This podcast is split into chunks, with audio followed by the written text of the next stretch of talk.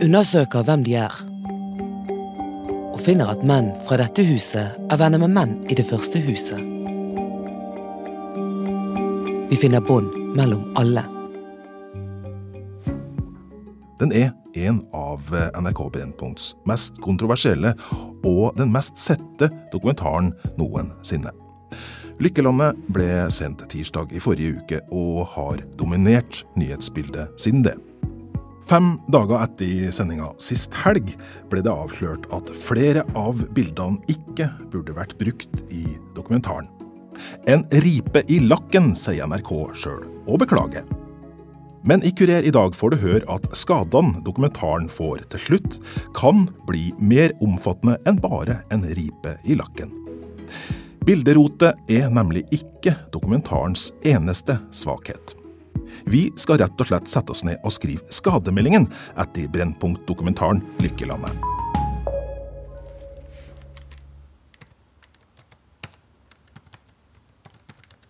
Vi starter programmet i Haugesund for seks dager siden. Vi er hjemme hos Carl Henry Nøkling, som sitter ved datamaskina i stua. Carl Henry var en av eh, den tre kvart millionen av oss som så NRK Brennpunkts dokumentar om et kriminelt nettverk i Bergen. Men i hans hode var det noe som skurra.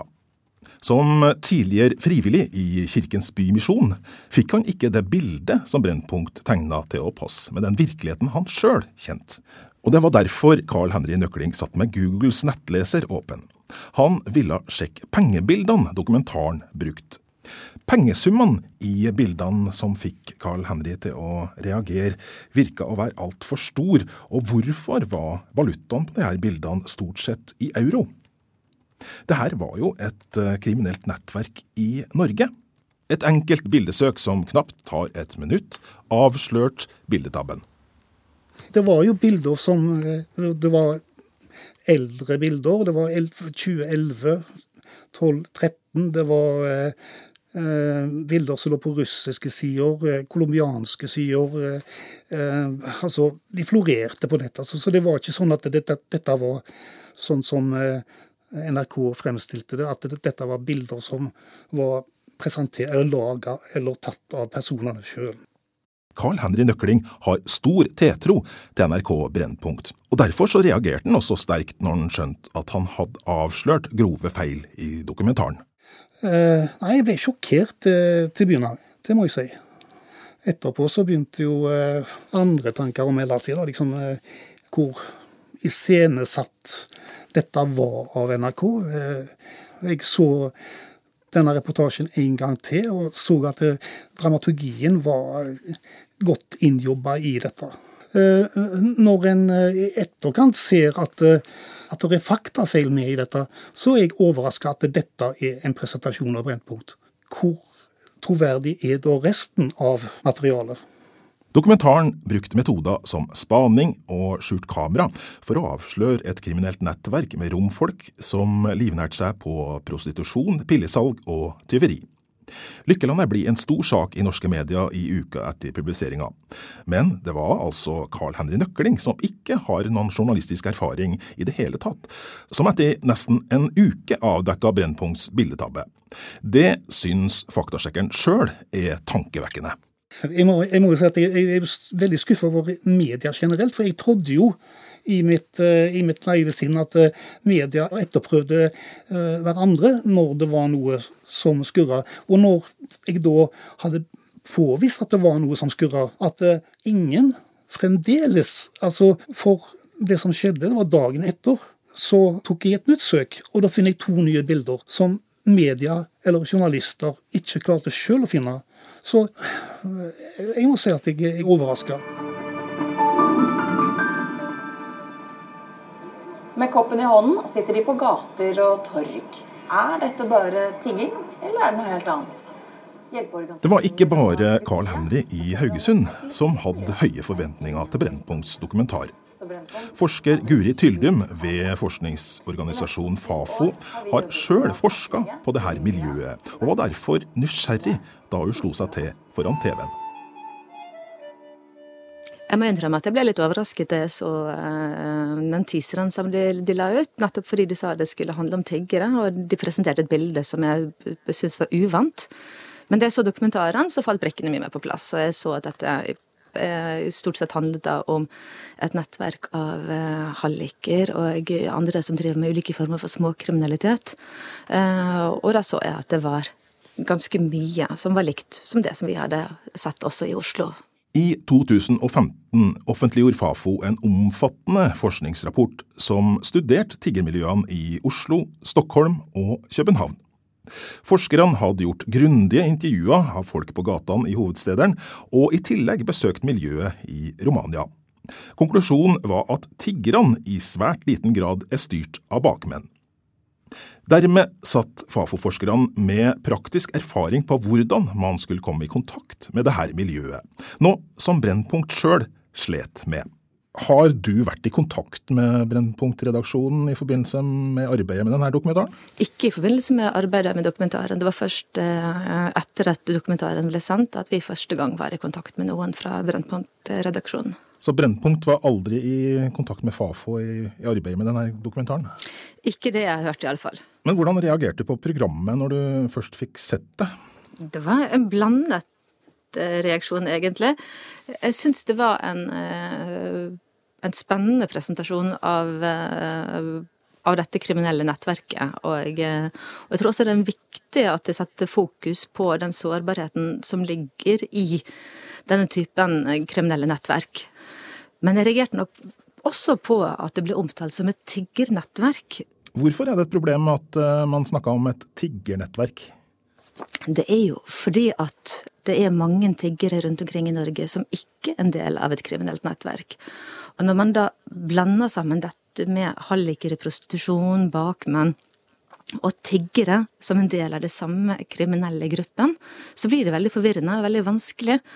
Jeg ser ikke helt hvorfor man skal kalle kvinner i prostitusjon for tiggere, eller for den saks skyld lommetyver for tiggere, for det, tiggere bør jo være forbeholdt de som driver nettopp og tigger. Fafo-forskeren er overraska og skuffa over at man i mediediskusjon i kjølvannet av dokumentaren har fått inntrykk av at Brennpunkts redaksjon har bevist at deres forskning er feil. Tyldum mener at media roter med begreper og er lite nyansert. Pressen klarer ikke å formidle at Lykkelandet underbygger forskningsresultatene. Hva tenker du om at eh, forskninga til Fafo ikke ble brukt uh, i programmet? Jeg tenker det er veldig synd. Eh, jeg tror at Brennpunkt-dokumentaren nok har brent seg på at de, de bare baserer seg på observasjoner. De kunne nok med fordel har, har, snakket med oss, eller noen andre som faktisk kjenner gruppen, og som har snakket med dem. For det er jo ikke sånn at det, dette her er folk som ingen andre har snakket med. Det er vanskelig å slutte fra observasjoner til intensjonene og vite altså, hva, hva, slags type folk er dette her, hva slags type relasjoner er det mellom disse folkene. Vi ville nok ikke rokket ved det generelle bildet, men vi kunne nok vært med og gitt utdypende informasjon. Og kanskje òg hadde jeg håpet jeg eh, fått det til å i mindre grad bruke og omtale gruppen som en tigger, et, et tiggermiljø.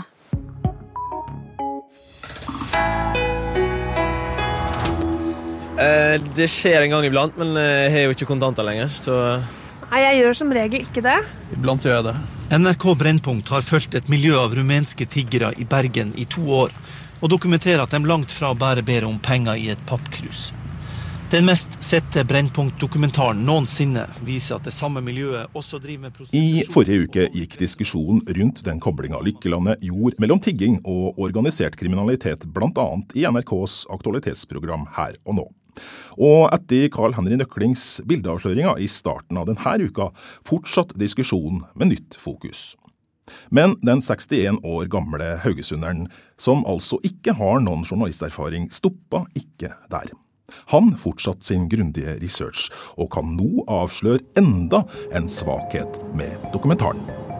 Vi begir oss hjemover og lurer på hvor mye penger som egentlig går via nettverk fra Norge til Romania.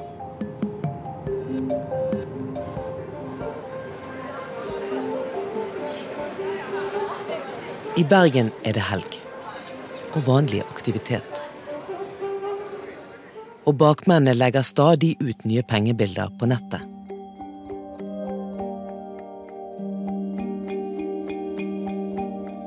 De tjener millioner og overfører via pengebyrå, altså utenfor banksystemet.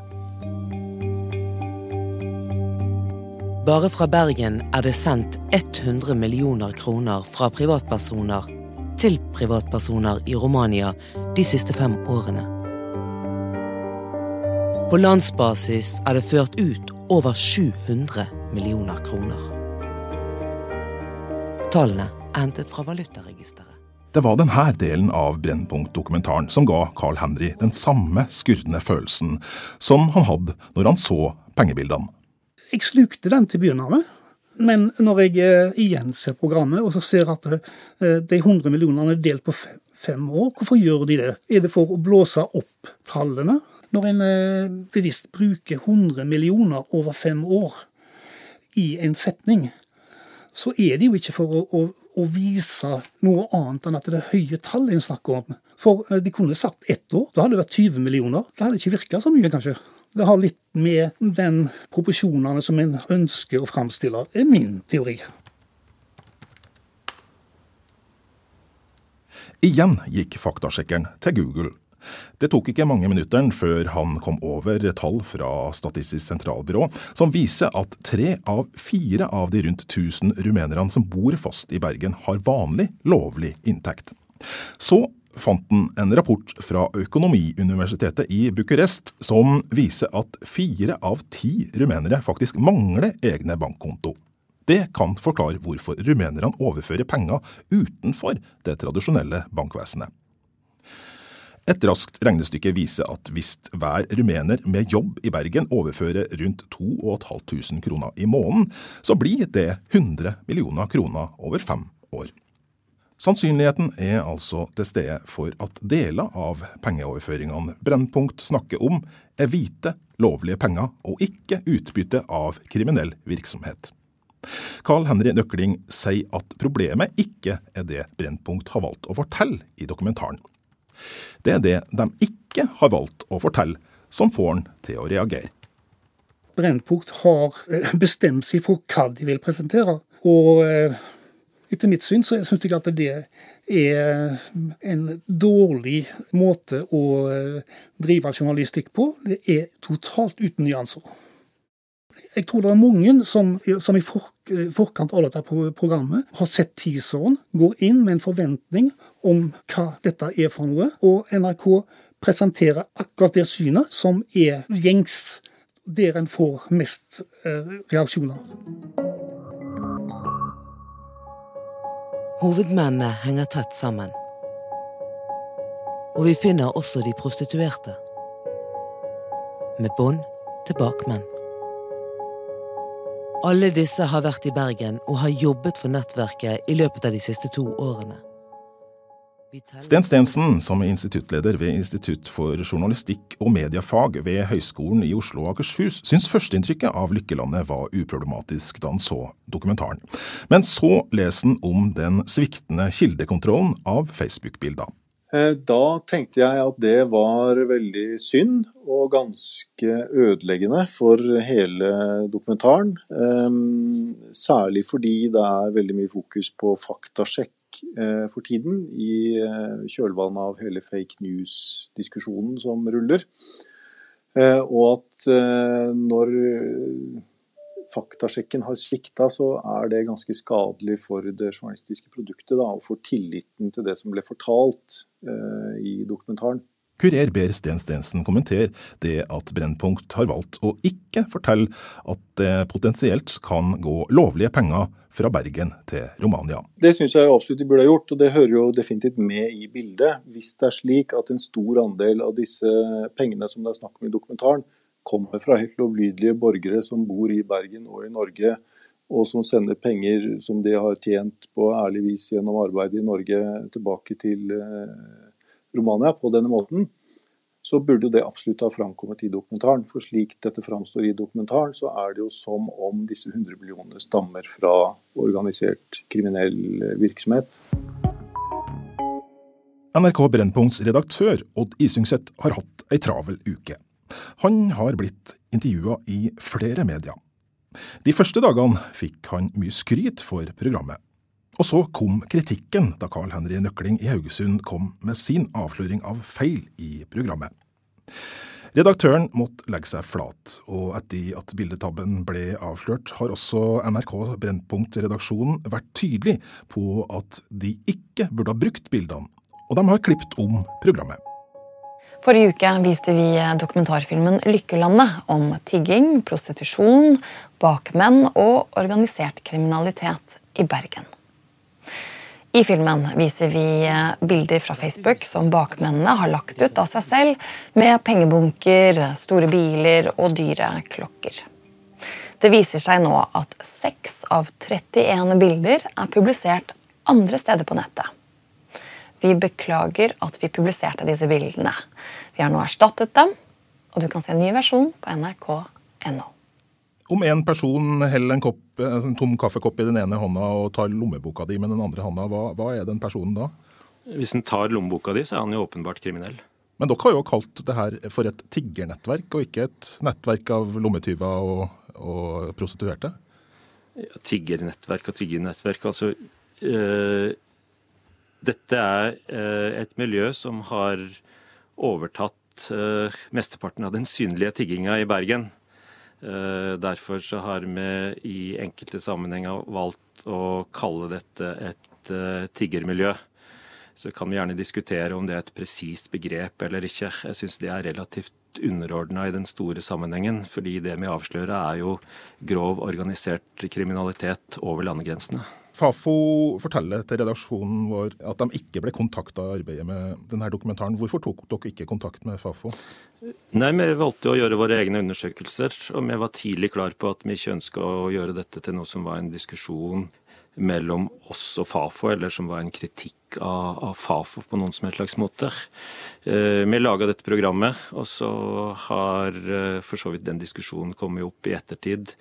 Men selv om Fafo har eh, undersøkt dette, og andre har undersøkt dette, så har vi, altså vi har naturligvis lest det som er publisert. Men det betyr jo ikke at vi føler noen slags forpliktelse til å forholde oss til alle som har forska på dette området. Bildene har jo vært sentrale i, i denne dokumentaren. Hva var det som gikk galt? Det som gikk galt, var at vi ikke foretok en veldig grundig bildesjekk av akkurat eh, de, eh, de seks bilder dette dreier seg om. Eh, som gjorde at vi kunne se at disse bildene faktisk hadde opprinnelse et annet sted, sjøl om det ble lagt ut på disse Facebook-sidene der det åpenbart ble skrytt av at det var deres egne bilder. Det som er litt kjedelig sånn sett i ettertid, er jo at vi hadde naturligvis ikke trengt akkurat de bildene eh, med tanke på den dokumentasjonen. Vi har eh, et, et, tusentalls bilder, for så vidt, men kan du si en, en 20-30 andre, da, eh, som er bilder tatt i Bergen, bilder tatt i Romania, der de poserer med norske kroner, f.eks., som gir en, en like sterk dokumentasjon. Eh, vi har naturligvis nå i ettertid gjort det vi kan for å ettergå disse bildene og finne ut eh, ektheten i dem. Og, og, og være sikre på at dette ikke er bilder som har vært publisert eh, andre plasser. Det var til slutt en mann helt uten journalisterfaring som avdekka de her problemene med bildene. Er det ikke litt flaut for redaksjonen at uh, deres erfarne journalister ikke gjorde den samme sjekken? Jo, jeg må nok uh, si at det er, det er, litt pinlig at vi ikke gjorde den sjekken. I dokumentaren så forteller dere jo om en uh, kriminell liga som uh, dere mener kjenner millioner. Hva slags bevis fører dere egentlig for det i dokumentaren? Vi fører bevis i den forstand at uh, vi viser bildene der de poserer med sin egen rikdom. Uh, vi fører bevis i den forstand at uh, vi har fulgt en del av disse folka fram til MoneyGram og sett at de faktisk overfører penger. Vi fører for så vidt bevis, eller vi vet at det fins dommer på dette som vi har lest. Eh, og vi har tall fra valutaregisteret eh, som viser at eh, som viser overføringer fra privatperson til privatperson.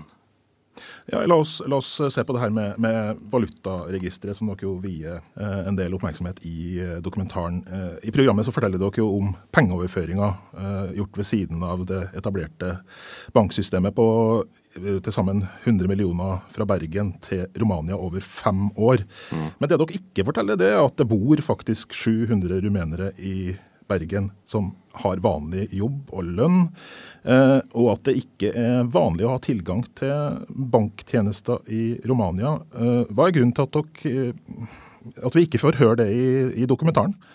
Det er godt mulig vi kunne ha presisert akkurat det, men så vidt jeg vet så har Romania et ganske godt utvikla banksystem. Og så vidt vi har undersøkt, så bruker folk som er i lønna arbeid i Norge, i hovedsak det ordinære bankvesenet. Det hører jo med til historien at det er høyere gebyr på å overføre fra, fra pengebyrå, eh, som er det som valutaregisteret har, har, ettergått. Men det er klart eh, Vi kan jo ikke eh, påstå eller garantere at alt dette stammer fra kriminell virksomhet. Det sier vi heller ikke. Men vi nevner disse tallene fordi vi mener at det er en indikator på at det går penger fra privatperson til privatperson. Men statistikk viser at fire av ti rumenere faktisk ikke har bankkonto i det hele tatt, Odd Isungset? Eh, det er godt mulig. Jeg kjenner ikke den statistikken, men det beviser vel heller ingenting. Men du, du sier at dere kanskje burde ha nyansert det her mer, da?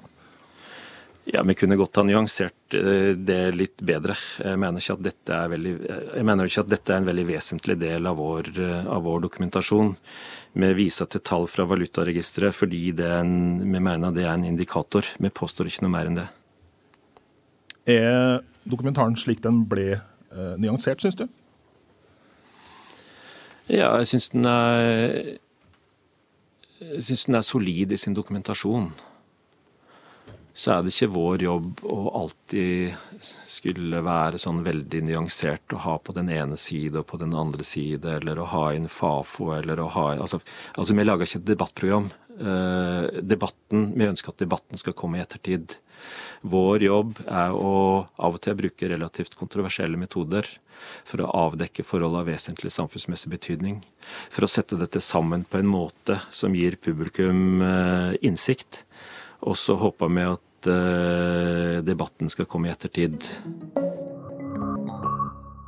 Vi er tilbake i Haugesund hos Carl Henry Nøkling. Privatperson som alene gjorde den jobben samtlige store norske nyhetsredaksjoner burde ha gjort. For sjøl om Brennpunkt-redaktør Odd Isungset har lagt seg flat, beklaga og forsvart dokumentaren etter avsløringene, er NRK langt fra den eneste norske redaksjonen som må gå i seg sjøl i kjølvannet av Lykkelandet. Når Norges mest anerkjente redaksjon gjør så store feil, så er det andre journalisters oppgave å avsløre det. Men Lykkelandet fikk bred omtale i de fleste store medier uten at de oppdaga bildetabben. Dagen etter at Carl Henrys første avsløring ble kjent gjennom Facebook, kasta pressa seg over saken. Men igjen var det haugesunderen som oppdaga ytterligere to bilder som ikke hørte hjemme i dokumentaren. Og i dette programmet har altså faktasjekkeren fortalt om enda en tankevekkende detalj i dokumentaren. Sjøl tenker Carl Henry Nøkling på hvilken effekt det totale mediebildet har hatt på enkeltmennesker jeg, jeg, jeg, er litt skuffa over eh, håndverket til andre journalister, rett og slett, som ikke har gått inn i dette. Det er den formen for journalistikk som, som er farlige å, å, ha med å gjøre, som skaper et eh, feil bilde av det hele. NRK har avslørt et eh, kriminelt nettverk. Det er det jo ikke tvil om. Men det blir trukket så mange likhetstegn mellom rumenere, tiggere og kriminelle at det, det, nyansene de forsvinner helt og holdent.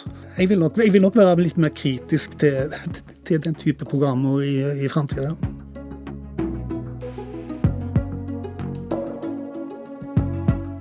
Om du har kommentarer til dagens program eller tips til redaksjon, finner du Kurer på Twitter.